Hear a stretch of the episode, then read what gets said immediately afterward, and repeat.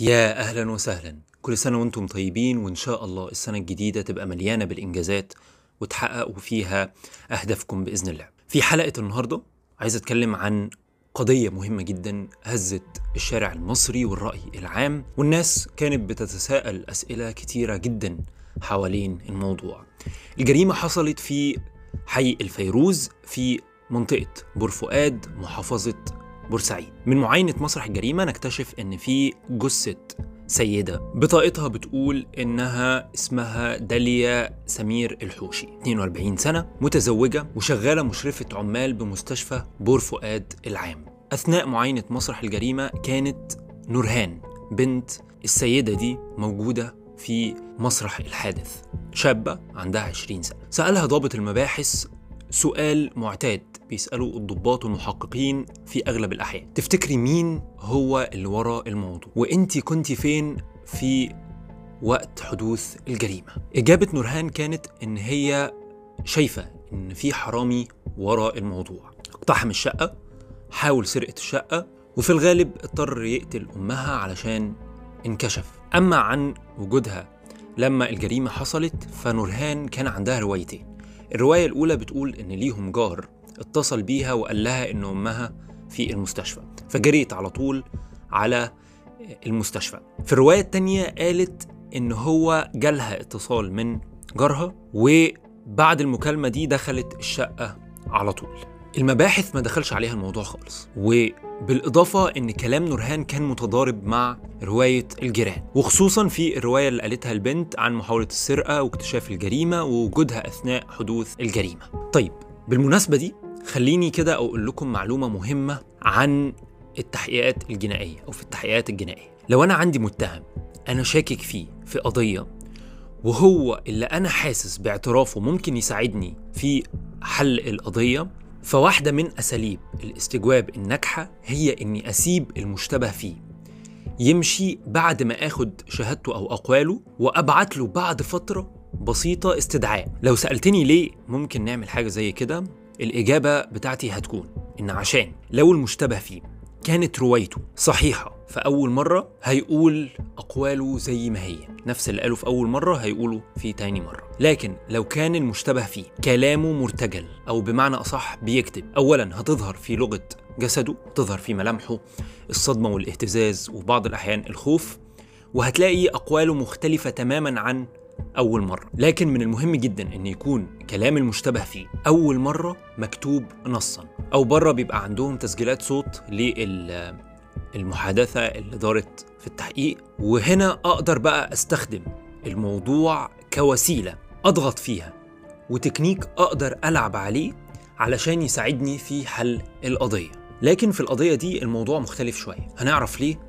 دلوقتي. مع البحث أكتر والتحريات اكتشفت الأجهزة الأمنية تيشيرت رجالي عليه دم في مسرح الحادث أو الشقة. ولما تم فحصه اكتشفوا إنه يخص أحد شباب جيران المنطقة. هنا بقى الموضوع اختلف والقضية بقت معقدة أكتر. والتكنيك اللي أنا استخدمته أول مرة مش هينفع أستخدمه في الحالة دي. والسبب إنه التكنيك اللي إحنا اتكلمنا عنه ينفع لو عندي مشتبه واحد بس.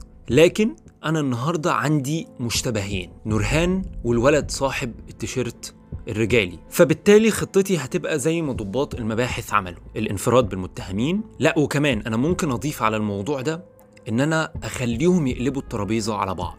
إزاي هعمل كده؟ في إني آخد وضعية إن أنا عرفت الحقيقة لما قعدت مع شريكك التاني. وهنا أقدر أطلع معلومات أكتر عشان كل واحد فيهم هيستخدم أسلوب دفاعي عشان يحمي نفسه ويطلع نفسه من القضية اللي هو فيها. طبعا لما حصل الانفراد في الاستجواب تبين للأجهزة الأمنية تورط البنت والجار في الجريمة. ثلاث دقايق كانت مدة تنفيذ الجريمة على حسب اعتراف المتهمة وشريكها قدام فريق البحث الجنائي. وده يديك فكرة شوية إن ممكن الولد يكون عنده سوابق في ارتكاب الجرائم مش شرط جريمة قتل أو عنده استعداد أو فكرة عن إزاي يرتكب الجريمة. لكن أنا عندي مفاجأة كبيرة جدا في القضية. المتهم التاني مع نورهان قاصر ولد اسمه حسين عنده 14 سنة وفي كلام إن هو 16 سنة بس اتسجل متأخر. لكن أنا يهمني في الموضوع إنه قاصر طفل.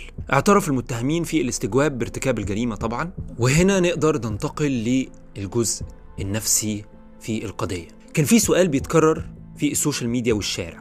إزاي أصلا بنت تعمل علاقة مع طفل ما تعداش ال 18 سنة؟ لا واللي قبل كده.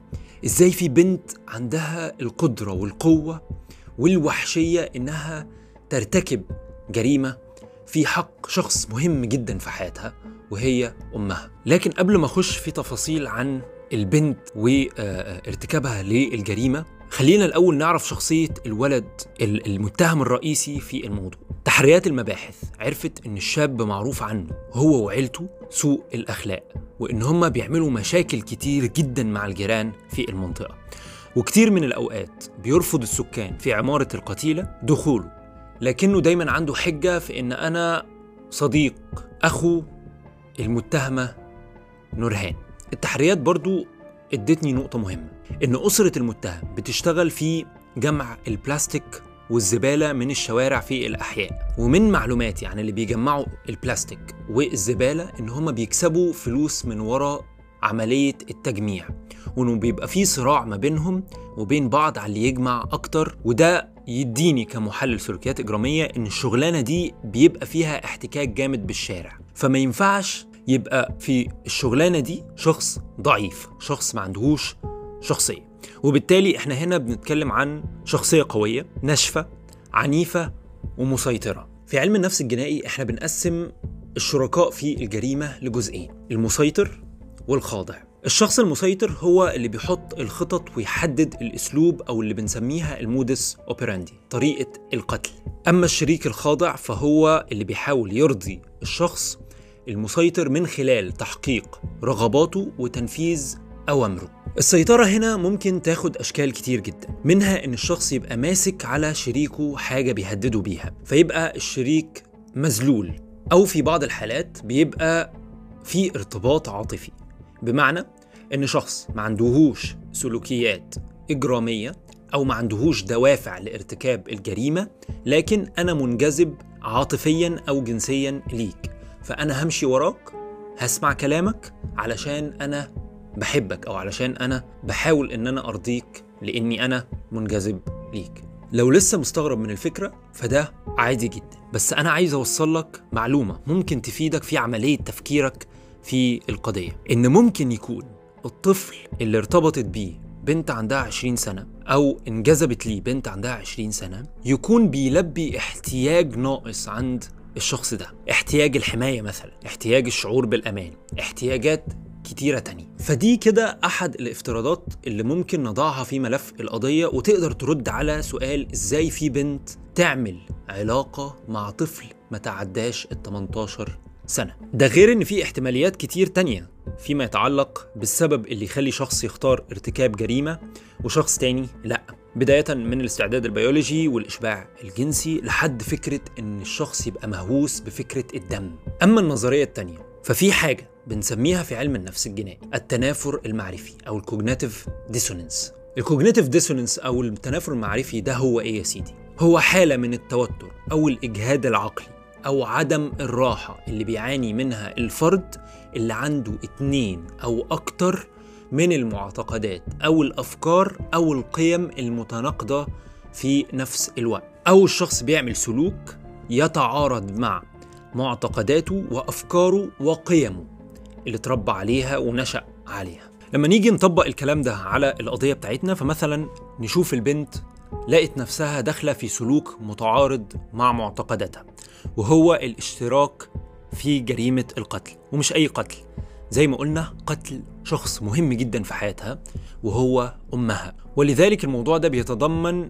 اتباعك لسلوك معين بسبب ضغط حد أو ال peer pressure زي ما بنسميها أو إنك تعمل السلوك ده علشان ما تموتش أو تبقى مصيرك مصير الضحية. وخلي بالك زي ما قلنا إن نورهان في القضية شخص خاضع مش متحكم أو مسيطر.